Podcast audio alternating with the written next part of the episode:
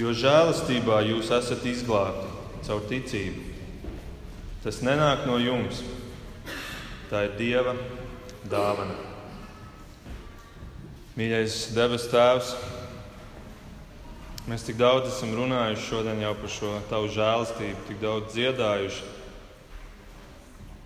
Un ko mēs saprotam ar to, kungs? Vai mēs to saprotam? Lūdzu, palīdz kaut mazliet labāk to izprast, kaut mazliet vairāk no šīs tavas neizmērojamās žēlastības ieraudzīt šajā rītā caur tavu vārdu. Mēs esam zem tavu vārdu, kungs. Mēs neesam virs tavu vārdu, mēs neesam blakus tavam vārdam, mēs esam zem tavu vārdu. Un, un tāpēc māci tu caur to šajā rītā. Es to lūdzu Jēzus vārdā. Amen. Lūdzu, sēdieties!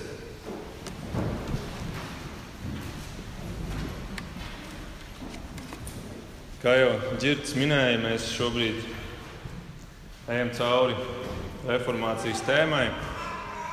Un reformācijā ir šie pieci principi, piecas solas. Sola scriptūra, sola fide, sola gracija, solus Kristus un solī deo gloria. Un visas šīs piecas patiesībā kaut kādā ziņā ir saistītas. Visas šīs piecas grozās ap vienu no šīm solām. Un tā centrālā sola ir sola fide, tikai ticība, par ko mēs runājām pagājušajā nedēļā. Jo tā bija tā, tas iniciators, caur kuru reformācija ieguva aprises. Tas bija tas romiešiem 1,17 pants, kurš Luteri izmainīja, un caur Luteru pēc tam arī varēja virzīties tālāk šī reformācija. Un tā nu ļaujiet man piedāvāt kopskatu šīm piecām solām, ka sola scriptūra, jeb tikai raksti, ir tas jautājums, kur iegūt šo ticību. Sola grācija ir tas jautājums, kā iegūt šo ticību. Solus Kristus būs jautājums, kur mēs domāsim par to, kurš ir atnesis šo ticību Un solīdeo glorija atbildēs uz jautājumu, kādēļ ir vajadzīga šī ticība, kādēļ šis viss. Un, ja mēs paskatāmies vēsturē, tad ir divas centrālās solas, kas ir sola fide un sola grācija, kuras bija no pašiem pirmsākumiem, no pirmajiem reformatoriem. Tās bija tās divas, tas kodols. Un um, 1554. gadā Melanchtons raksta, sola gratia justificamus et sola fide justificamur, kas nozīmē tikai caur žēlastību taisno un tikai caur ticību tiek taisnots. Un tā nu šī žēlastība, par ko es vēlos šodien runāt, šī sola grācija, ir kā tāds tilts, pa kuru atnāk ticība no debesīm pie mums. Tas ir kā neredzams tilts, Un neredzams varbūt tādēļ, ka viņš ir caurspīdīgs.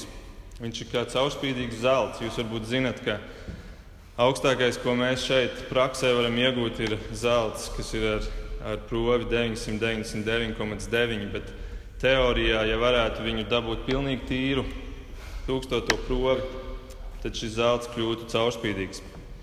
Un tāpēc es piedāvāju šodien domāt par šo soli grāciju to dievišķo noslēpumaino graciozo ceļu, tiltu, caur kuru viņš ir sūtījis ticību mums. Un šodien es vēlos domāt par trīs jautājumiem. Pirmais jautājums ir, kas ir šī žēlastība un kā viņa darbojas. Un tā būs garākā daļa. Tā kā, kad mēs tur būsim tikuši cauri, neuztraucieties, nākamās divas būs īsākas. Otrais jautājums būs, cik maksā šī žēlastība? Kāda ir tās cena? Un trešais noslēgsim ar svarīgo domu, kā iegūt šo žēlastību sev. Kas ir sola grācija? Ja es jums uzdodu jautājumu, kas ir žēlastība, tad, kad tu pasaki šo vārdu žēlastība, tad, kad tu viņu dziedi šodien šeit, desmitiem reižu, ko tu sajūti? Ko viņa dara tevī? Cik viņa viegli ienāk un vai viņi paliek tevī, vai viņi ātri izskrien ārā pa otru ausi. Cik viņai ir liels svars šai žēlastībai, kura, manuprāt, ir svarīgākais vārds kristietībā, varbūt pat svarīgāks par ticību. Un tāpēc, kas ir žēlastība?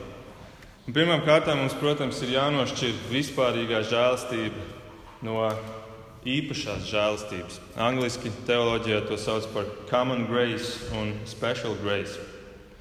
Vispārīgā žēlastība ir tā, par ko mēs arī jau šodien pieminējām. Īpaši tagad, rudenī dzīvojot, kur mēs apkārt raugamies un, un mēs ēdam augļus, kas ir izauguši tepat mūsu kokos un krūmos. Un, un mums ir saule virs galvas, mums ir miers, mums ir ne tikai daba, kuru Dievs ir devis, bet Viņš arī mums šeit, Latvijā, mūsu apstākļos dod ļoti pateicīgus apstākļus, kur mēs varam nākt svētdienā uz baznīcu. Tas viss ir vispārīgā žēlastība. To Dievs izlēja pār visiem cilvēkiem. Un katrs cilvēks, kurš kaut vienu dienu nodzīvojis šajā pasaulē, viņš ir saņēmis šo vispārīgo žēlastību, šo dzīvību un šo skaisto planētu Zemi. Bet ir otra, kas ir īpašā žēlastība. Tā ir tā žēlastība, kur arī sauc par glābjošā žēlastību. Un, ja mēs tam iepriekšējiem varējām teikt visiem ar izsaucēju zīmu galā, tad šeit mums ir jāsaka visiem ar jautājumu zīmu galā. Un par šo mēs šodien runāsim, par šo glābjošo žēlastību, par šo sola grāciju. Un, ja mēs paskatāmies šodienas pāntu, šo vārdu žēlastība mūsu 8. pantā, un es aicinu atturēt vaļā, turēt viņu vaļā, un mēs atgriezīsimies arī pie šīs raksturvietas vēl pāris reizes un paskatīsimies arī citas. Tad tas vārds žēlastība grieķu valodā ir vārds haris. haris. Un šis vārds primāri nozīmē dāvana dāvana, laipnība, labums. Un, ja mēs šodienas raksturvietā apskatāmies, mēs redzam, šeit ir arī minēta šī žēlastība, un šeit ir minēts vārds dāvana. Savā ziņā mēs varētu teikt, mēs varētu aizstāt šo pirmo vārdu žēlastība ar dāvanu un nolasīt šo pāntu šādi. Jo caur dāvanu jūs esat izglābti caur ticību. Tas nenāk no jums, tā ir Dieva dāvana. Tad mēs šajā pantā redzam divreiz šo domu par dāvanu. Mēs varētu teikt, tā ir kā tāda dubulta dāvana, kā tāda dubulta žēlastība, ko Dievs šeit parāda. Varēja arī būt rakstīts vienkārši, jūs esat izglābti caur ticību. Jūs esat izglābti caur ticību. Ja jums ir šī patiesā ticība, jūs esat izglābti. Bet šeit nav runas tikai par šo dimensiju, par šo Jēzus Kristus upuri, kas ir žēlastība un kuram tu tici, un tu tiec taisnots tajā, ka tu pieņem viņa dzīvi, un tavu dzīvi Dievs vairs neierauga, tad, kad tu stājies Dievu priekšā tiesā, bet viņš redz tīro Kristus dzīvi. Tā ir ticība un, un, un tā ir glābšana. Bet ko nozīmē žēlastībā? Papildus vēl tas viss nāk žēlastībā. Un tas ir tas jautājums šodien, ja Raimons pagājušajā nedēļā runāja par divām ticībām, to patieso un to nepatieso, tad kā iegūt šo patieso ticību? Un tas ir tas jautājums, kuru atbild šis soli grācija. Ka tas tev tiek dots kā dāvana. Un ir debatas bijušas starp teologiem par šo pāntu ļoti daudz par to, cik liela ir šī dāvana. Cik spēcīga, cik efektīva ir šī dāvana. Vai viņa ir tik efektīva, ka pietiek ar dieva daļu, ka dievs to iedod un ar to ir pietiekami? Vai tomēr ir vajadzīga arī šī cilvēka daļa, ka tu saņem šo dāvanu pretī un tad tiek sagaidīta tava daļa? Mēs varam kā piemēru minēt arī mūsu ikdienas dzīvē, ka ir dāvanas, kurās ir vajadzīga šī otrā daļa, kur cilvēks saņem to pretī un kur cilvēks izpilda savu atbildību. Tad, kad mēs dāvinam dzimšanas dienā kādu dāvanu, mēs dodam cilvēkam, un cilvēks saņem viņu pretī. Kādreiz varbūt nesaņem, ja ir kaut kādas attiecību problēmas. kad mēs dodam ziedus, kad mēs pat ziedojam, kāda organizācija ziedo vai kāds uzņēmums kādai draudzēji vai, vai, vai kādai labdarības organizācijai. Tā organizācija var arī atskaitīt šo naudu atpakaļ un pateikt, mēs nepieņemam no jums. Bet ir otra veida dāvana, kur arī pastāv, kaut arī ļoti reti. Un tā ir dāvana, kurā nav sagaidām šī pretreakcija. Piemēram, tas, ar ko nodarbojas mūsu, mūsu glābēji, mūsu ātrās palīdzības brigādes, mūsu reanimācijas dienesti. Viņi dodas uz vietu, kur cilvēks ir avarējis, kur viņš varbūt cīnās ar nāvi un Viņi glābi šo cilvēku, viņi dod šo palīdzību, viņi dod šo dāvanu, šo savā ziņā žēlastības dāvanu. Un viņi neprasa cilvēkam, vai tu gribi saņemt šo glābšanu, vai tu gribi, ka es tevi, tevi izglābju no šīs, no šīs traģēdijas.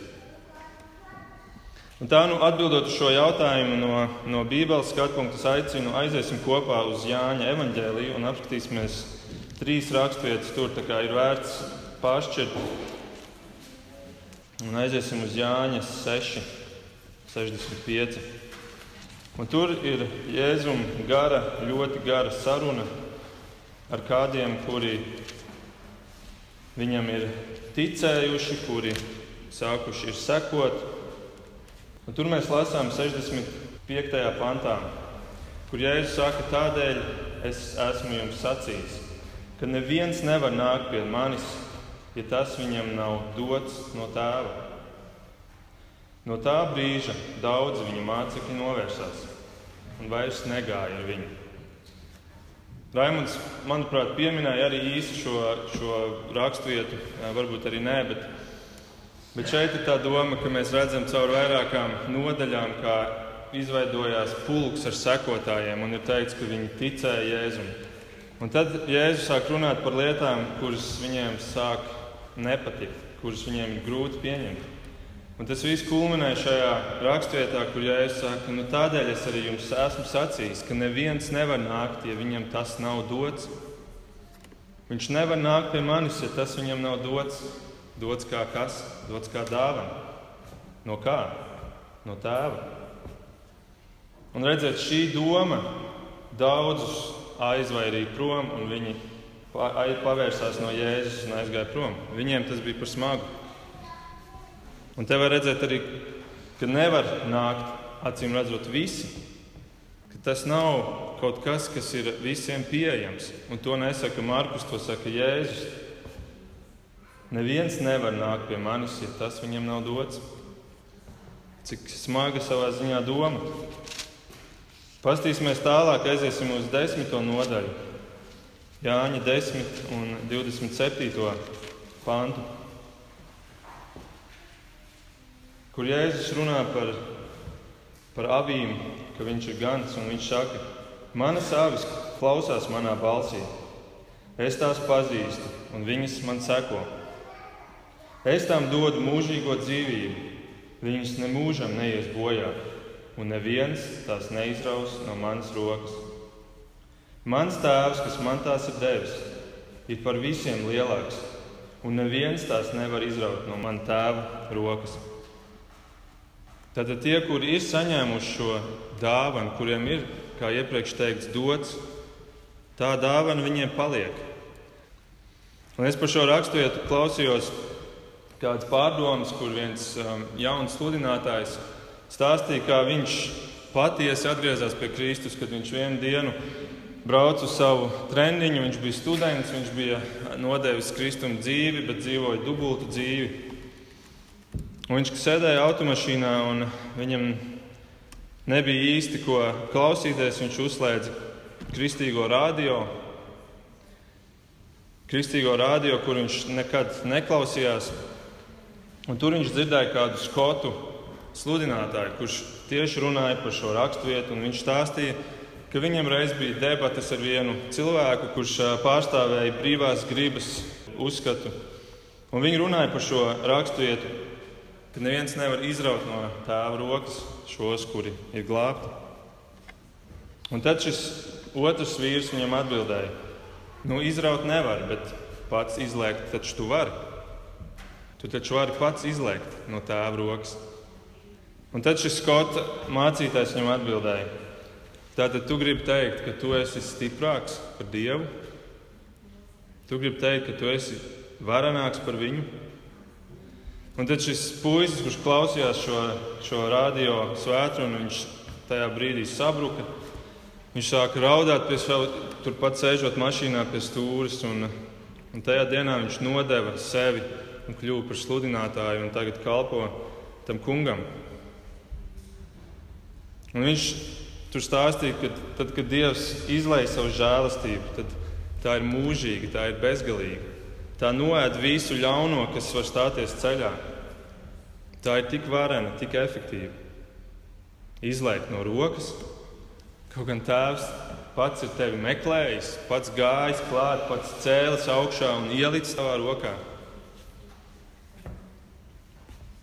Aicinu pāršķirt uz Jāņa 17, 12, kur ir jēzus šī saruna ar tēvu augstā priestera lūkšana, kā viņa parasti tiek saukta. Un viņš saka, kad es ar viņiem biju pasaulē, es sargāju tavā vārdā tos, ko tu man biji devis. Es tos pasargāju, un neviens no viņiem nav pazudis, kā vien pazušanas dēls, lai piepildītos raksts. Tātad Jēzus, mēs redzam šeit, Jēzus sargā savējos. Ne tikai, kad nevar neviens izraut no rokas, bet viņš sargā. Tā ka neviens nepazūd. Un Ja mēs aizējām uz romiešiem astoņi, mēs arī tur apstīsimies pāris raksturvietas, tā kā es aicinu arī tur jūs varat aizšķirt uz romiešiem astoņi, 29. Tur mēs lasām šos vārdus, tos, par kuriem Dievs jau iepriekš ir lēmis. Tos viņš arī noteica, izveidot līdzīgu sava dēla tēlam, lai viņš būtu pirmdzimtais daudz brāļu vidū, un par kuriem viņš jau iepriekš ir noteicis. Tos viņš arī aicina. Un kurus aicina? tos arī attaisno, un kurus attaisno, tos arī pagodina. Mēs redzam, šajā ķēdē neviens pa vidu nepazūd. Visi tie, kurus Dievs ir aicinājis, pacēlis, kuriem Viņš ir devis šo žēlastības dāvanu, neviens no viņiem nepazūd pa ceļam. Tātad jautājums vēlreiz - grācija, žēlastība. Vai tā ir tikai no Dieva, vai tomēr tā ir sadarbība starp Dievu un cilvēku? Vai tā ir viena virziena, vai tā ir divu virziena? Daudzi cilvēki saka, ka žēlastība ir, ka Dievs dod dāvanu, un tas ir viss. Tur Dieva žēlastība apstājās. Tur apstājās, jo pēc tam cilvēks izvēlās, ko viņš darīs tālāk. Bet, ja mēs paskatāmies, kā rīkojas paši cilvēki, tad, kad viņi dod dāvanas kādam, Un es domāju, dāvanas ar mērķi kaut ko saņemt pretī, vai iegūt, vai aizsniegt mērķi. Tad cilvēks dod šo dāvanu, un, ja tas otrs neņems pretī, viņš pieliks kaut ko klāt. Viņš pieliks klāt, kamēr tas cilvēks paņem šo dāvanu, un šis mērķis būs sasniegts. Mēs varbūt to biežāk redzam korupcijā. Tātad to dara tie, kuri, kuri mēģina kādu uzpirkt. Cilvēki tā rīkojas. Viņi dod, bet cik daudz vairāk, ja Dievam ir mērķis izglābt šo cilvēku un darīt to mīlestībā. Ja Dievs gribēja šo mērķi sasniegt un dot kaut kādu dāvanu, lai tā dāvana aizsniedz to cilvēku un izmaina viņu, vai Dievam pietrūkst resursu, lai pieliktu vēl un vēl un vēl, lai beigās tā dāvana aizsniegtu to mērķi un izpildītu? Nē. Tādēļ ļaujiet jautāt, vai dot dāvanu, kura nav pievilcīga vai kā citādāk pietiekama, ir tā lielākā iespējamā žēlastība? Vai tā nav tikai daļēji žēlastība, jo nav zināms, kāds būs iznākums, nav zināms, vai tas derēs tam cilvēkam, vai viņš darbosies, vai viņa aizsniegs to mērķi? Vai pilna žēlastība nebūtu, ka notiktu tas, kas notika Pāvilam, kurš raksta arī šodienas raksturvietu? Ka viņš devās pa Damaskas ceļu un Kristus nostājās priekšā un viņš vienkārši apgriež Pāvilu 180 grādos. Un es ticu, ka tā ir, ka tā notiek nevis tikai ar Pāvilu, bet tā notiek ar mums katru. Tik ļoti, cik Dievs mīlēja Pāvilu, viņš mīl tevi. Tik ļoti, cik Dievs mīlēja Pāvilu, viņš mīl katru no mums. Un tāpēc es ticu, tad, kad Dievs dod savu žēlastību, tā nav tikai grācija, bet tā ir sola grācija. Tā ir sola grācija, tā ir tikai žēlastība. Tā nav žēlastība 80% un tad cilvēka reakcija, bet tā ir sola grācija. Tā ir graciozā žēlastības dziesma, kur žēlastība pati dzied solo. Viņa dzied šo solo, sola grāciju. Un tādēļ Pāvils ir tik daudz raksta par šo tēmu, jo viņš ir sapratis, kas notika ar viņu. Viņš pats piedzīvoja šo sola grāciju. Ja mēs esam romiešiem astoņi, mēs varam pašķirt atpakaļ uz romiešiem pieci, desmit, un tur redzēt, ka viņš raksta, ja būdami dievi ienaidnieki, guvām izlīgumu ar Dievu viņa dēla nāvē, daudz vairāk būdami izlīguši, tiksim izglābti viņa dzīvībā. Pāvils šeit parāda, ka viņš bija ienaidnieks tajā brīdī, kad viņš devās pa, pa Damaskas ceļu. Viņš bija ienaidnieks Dievam, un Dievs tomēr deva viņam šo pilno žēlastību. Mēs visi esam bijuši ienaidnieki Dievam, tad, kad mēs saņēmām šo grāciju. Mēs katrs esam šī raksturvieta to parāda. Jūs bijāt Dieva ienaidnieki, tad, kad Dievs deva šo izlīgumu. Tas nav tā, kā Mēs tik daudz dzirdam un redzam, ka nu, beidzot taču pieņem Jēzu, pasaki viņam jā. It kā tu viņam varētu jā pateikt, tu esi viņa ienaidnieks. Ja tu esi pasaulē un, un ir stāvoklis tāds, kāds ir pamatstāvoklis, krituši cilvēku stāvoklis, tad tu esi Dieva ienaidnieks. Tu nevari vienkārši viņam atnākt un pateikt, nu labi, es tevi izvēlos. Nu, paskatīsimies, kā ir dzīve ar tevi, un, un ja nebūs labi, tad es laikšu ārā no tavas rokas. Bībele to nemāca. Tu esi Dieva ienaidnieks.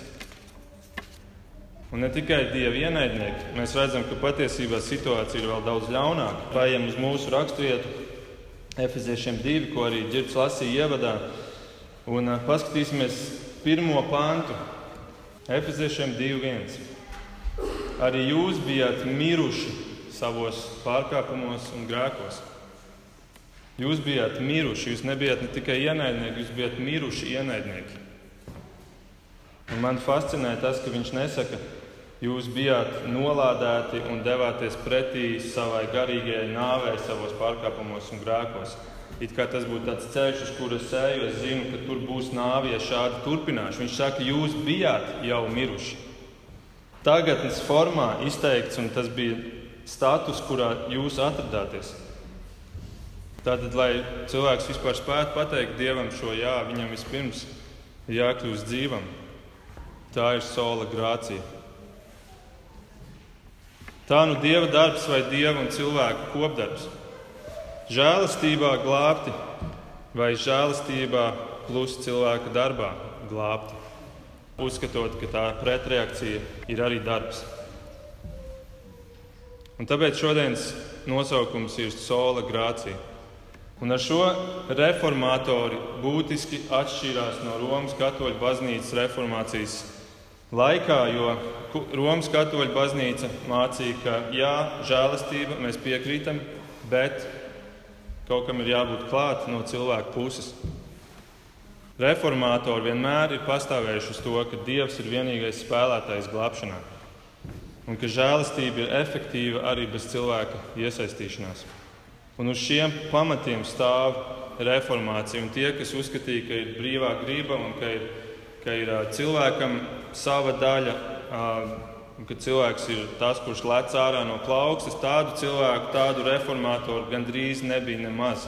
Šī doma ir uzplaukusi pēdējos gadsimtos, jo viņa mums cilvēciski šķiet pievilcīgāka un mūsu prātam saprotamāka.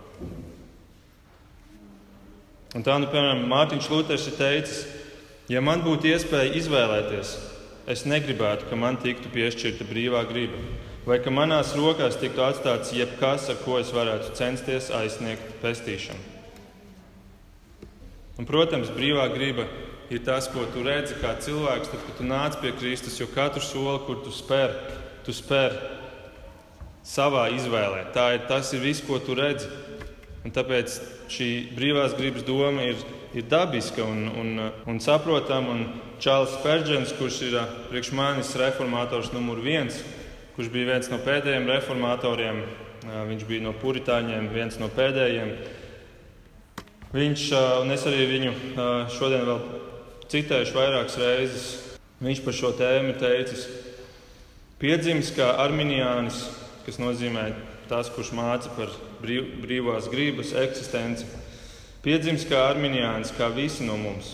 Es ticēju tam vecajām lietām, kuras bija nepārtraukti sludinātas man no kanceles, un es nepazinu dieva žēlastību. Kad nācu pie Kristus, es domāju, ka daru to pats, un kaut arī es meklēju to kungu nopietni, man nebija ne jausmas, ka tas kungs bija meklējis mani. Un vēl Čārs Pēržins par brīvo gribu raksta. Par brīvo gribu es esmu bieži dzirdējis, taču es nekad to neesmu redzējis. Es esmu ticējis ar gribu, un pat ļoti daudz, bet tā vai nu ir grēka gūstekne bijusi, vai arī bijusi saslēgta svētītajās žēlastības važās. Mums ir dota brīvā griba darīt, ko vien mēs gribam. Bet agrāk vai vēlāk mēs vienmēr ar šo brīvo gribu nonāksim, nonāksim pazušanā. To izdarīja Ādams un Ieva. Viņiem bija bezgrēcības apstākļi apkārt. Viņiem bija tādi apstākļi, par kādiem mēs varētu sapņot, un viņi tomēr iekrita tajā pašā brīvās gribas postā, savas gribas postā. Un tā nu Dievs dod mums iespēju braukt ar mašīnu, vadīt savus dzīves automobīli, bet agrāk vai vēlāk mēs visi avarēsim un iesim pazušanā. Un tādēļ, ko dara sola grācija, ir, ka Dievs pārņem kontroli pār šo mašīnu. Viņš pārņem kontroli pār šo mašīnu. Tā nu dodot vēlreiz spērdžanam vārdu. No Dieva vārda es secinu, ka pazušana ir visa tikai no cilvēka, no augšas līdz lejai, un glābšana visa tikai no žēlastības, no sākuma līdz galam. Tas, kurš iet pazušanā, izvēlas pazušanu, bet tas, kurš tiek izglābts, ir izglābts, jo Dievs ir izvēlējies viņu glābt. Un, mīļie draugi, ja tava ticība nav atnākusi pa šo tiltu, ko sauc par sola grācija, tad tā nav Dieva sūtīta ticība.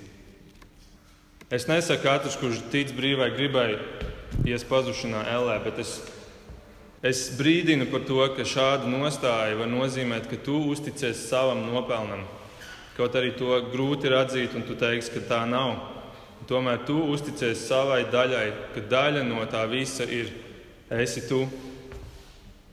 Un pat, ja tu nodzīvo šīs dzīves dienas ar šo ticību līdz galam, stāvot blakus Kristum, šī ticība sabruks. Tāpēc, ka Kristus pieņem tikai tos, kuri ir glābti tikai un vienīgi viņa darbā. Un, ja tev ir grūtības šo pieņemt, tu visticamāk vienkārši vēlies atstāt kontroli cilvēkam. Un es tev to nepārmetu. Tas ir dabisks veids un tā ir dabiska darbība. Un es pats arī dzīvoju lielāko daļu savas dzīves šajā nostājā, kad cilvēkam ir jādod kontroli. Ja cilvēks ir Dieva mīlēts un galvenais visā šajā visumā, radīts Dieva tēlā, tad viņam ir jādod šī kontrole. Un es saprotu cilvēku, kurš saka, ja jau tas viss ir iedots pa brīvu, un es vēl pēc tam to nevaru pazaudēt, tad kāda motivācija ir vispār kaut ko darīt? Kāda motivācija? Un te mēs varam pāriet pie nākamā jautājuma. Cik tad maksā žēlastība? Kāda tai ir cena? Iespējams, tas izaicinājums ir tajā domā, ka sola grācija nozīmē, ja ir tikai Dievs, ne es, tad tas ir pārāk lēti. Tas ir pārāk lēti. Ja viss ir bez maksas, ja es visu saņemu, ja viss ir saglabāts, tiek Dieva rokās pats no sevis, tad jau es varu dzīvot, kā es gribu. Nav nekādas atšķirības. Un, protams, es pārspīlēju, bet Bet man patīk tā doma, ko kāds vīrs teica, un es neatceros, diemžēl, kurš tas bija. Es nevaru viņu autoru vārdu nosaukt, bet viņš teica apmēram šādu domu. Lai mantotu pestīšanu, nav vajadzīgs pirkt biļeti, jo ieeja ir bez maksas. Tomēr pēc tam tu saņem abonementu uz visu savu dzīvi. Un tā nu šī doma par to, cik maksā žēlastība, ir apskatāms no dažādiem skatu punktiem. Es tikai īsi varu pie, pieskarties. Pirmkārt, Kristus samaksāja ar savām asinīm, un tā cena ir vienmēr asinis. Tā cena ir asins. Kristus samaksāja ar asinīm, un tad, kad mēs paskatāmies vēsturi no Kristus līdz šodienai, tur ir asinis un asinis un asinis un asinis un asinis. Ja mēs palasām par mūsu, mūsu brāļiem un māsām, kuri dzīvojuši pirms mums, kuri dzīvojuši apstākļos, kuros nav šī vispārīgā žēlastība tāda, kāda mums, paldies Dievam, viņi ir lējuši asins. Viņi ir lējuši asins. Un tad, kad mēs romiešiem astoņi lasām tos pāntus, es viņus nelasīšu, bet kur ir teikts, ka es ticu, ka no Kristus mīlestības nav iespējams šķirt ne, nekam, ne zobenam, ne grūtiem apstākļiem, nekam citam. Tad te mēs redzam, ka tā īstā ticība, kas ir nākusi caur sola grāciju, viņa pastāv pat tad, kad ir visi šie spaidi un ārējie apstākļi, ārējās grūtības. Ir arī iekšējās grūtības, cīņa ar grēku, Un te gan es aiziešu vēlreiz uz romiešiem, romiešiem 5. Un es vēlos jums parādīt, romiešiem 5 un 6 ir ļoti skaistas divas nodaļas par žēlastību. Jūs varat, es jums aicinu izlasīt viņas mājās, romiešiem 5 un 6. Un tur mēs lasām romiešiem 5, 20. Bet bauslība nākus klāt tā, ka pārkāpums vairojas, bet kur ir vairojies grēks, tur pār pārējiem vairojas žēlastība. Un tad sestās nodaļas sākumā, ko tad nu sacīsim? Vai paliksim grēkā, lai vairotos žēlastību? Nē, taču mēs esam nomiruši grēkam. Kā lai mēs vēl dzīvojam tajā? Un 15. pants. Ko nu? Vai varam grēkot, ja vairs neesam padoti bauslībai, bet gan žēlastībai? Nē, taču. Ja sola grācija nāk, lai glābtu no grēka, tad tas, kurš to ir saņēmis, viņš neturpinās dzīvot ar grēku. Mēs nevaram teikt, ja tu esi saņēmis bez maksas un var, nevar pazaudēt, un tā tālāk, tad nav motivācijas pat, pat dzīvot svētu dzīvi. Nē, žēlastība ir tā, kura, ja tu dzīvos grēkā un ja tu mēģināsi viņu attaisnot, kura nāks un teiks, pārtrauc to, tāpēc ka es nācu, lai tu to vairs nedari. Bet viņi saka vēl vienu otru ļoti svarīgu teikumu. Viņi saka, tāpēc, ka tu grēkoji, Dievs tevi neizstums ārā no savas ģimenes. Jo tā ir žēlastība, tā ir drēbe, no kuras viņi ir veidoti. Tāpēc tas cilvēks, kurš saņem šo žēlastību, viņš, viņš tiecās un augst pēc taisnības. Viņš grib darīt taisnību, viņš grib darīt taisnību savā privātajā dzīvēm. Viņš grib darīt taisnību attiecībās ar cilvēkiem. Viņš grib darīt taisnību pret valsti, kaut vai maksāt nodokļus. Viņš grib tiekties izpildīt likumu, nevis visu to atmest. Tāpēc, ka tāds cilvēks augst un ilgojas pēc taisnības. Darīt taisnību. Un vēl viens veids, kā cilvēki padara žēlastību lētāku nekā tā ir, tā ir bez maksas bet cilvēki pamanās padarīt to lētāku.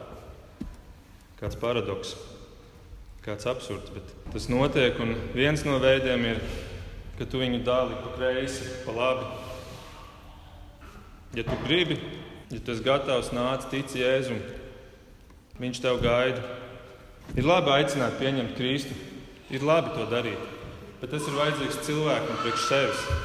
Tam, kam ir nozīme pa īstam, ir, ka Kristus tevi pieņem. Ka Kristus tevi pieņem. Un viņš ir brīdinājis vairāk kārt, kur viņš saka, ka būs cilvēki, kuri lieto Jēzus vārdu. Tātad var redzēt, viņi ir pieņēmuši Jēzu savā dzīvē. Bet kur viņš saka, es viņus nepazīstu. Jēzus viņus nav pieņēmis. Un tāpēc tas jautājums pēdējais, kā iegūt sola grāciju? Kā to iegūt? Un ir tikai viens veids, un patiesībā man ir jāsaka, es nezinu. Bet ir viens veids, ko Bībele atklāja, un tas ir, ka tev ir viss jāiztukšo, lai tev ir sola tukšums, lai tu vari dot vietu sola grācijai, kur aizpilda tev visu. Kā tu vari atbrīvot šo vietu Kristumu? Es nezinu. Es nezinu, cilvēciski tam nav atbildes. Un tāpēc arī Jēzus, tad, kad viņam mācekļi šo jautājumu uzdod, viņš saka, cilvēkam tas nav iespējams. Bet Dievam tas ir iespējams. Tas ir Dieva darbs, tā ir Dieva dāvana. Un tā cerība mums ir, un tā, tā cerība, uz ko mēs varam atsaukties, ir tā, ka šī grāmata, šis Dieva vārds, kurš runā par šo graciozo, noslēpumaino žēlastību, viņš nobeidzas ar vārdiem Atklāsmes grāmata 22 un 17. pāns, kur viņš saka, gars un līgavs saka, nāc. Un kas to dzird, lai saka, nāc kam slāpst, lai nāk, lai ņem dzīvo ūdeni bez maksas katrs, kas grib.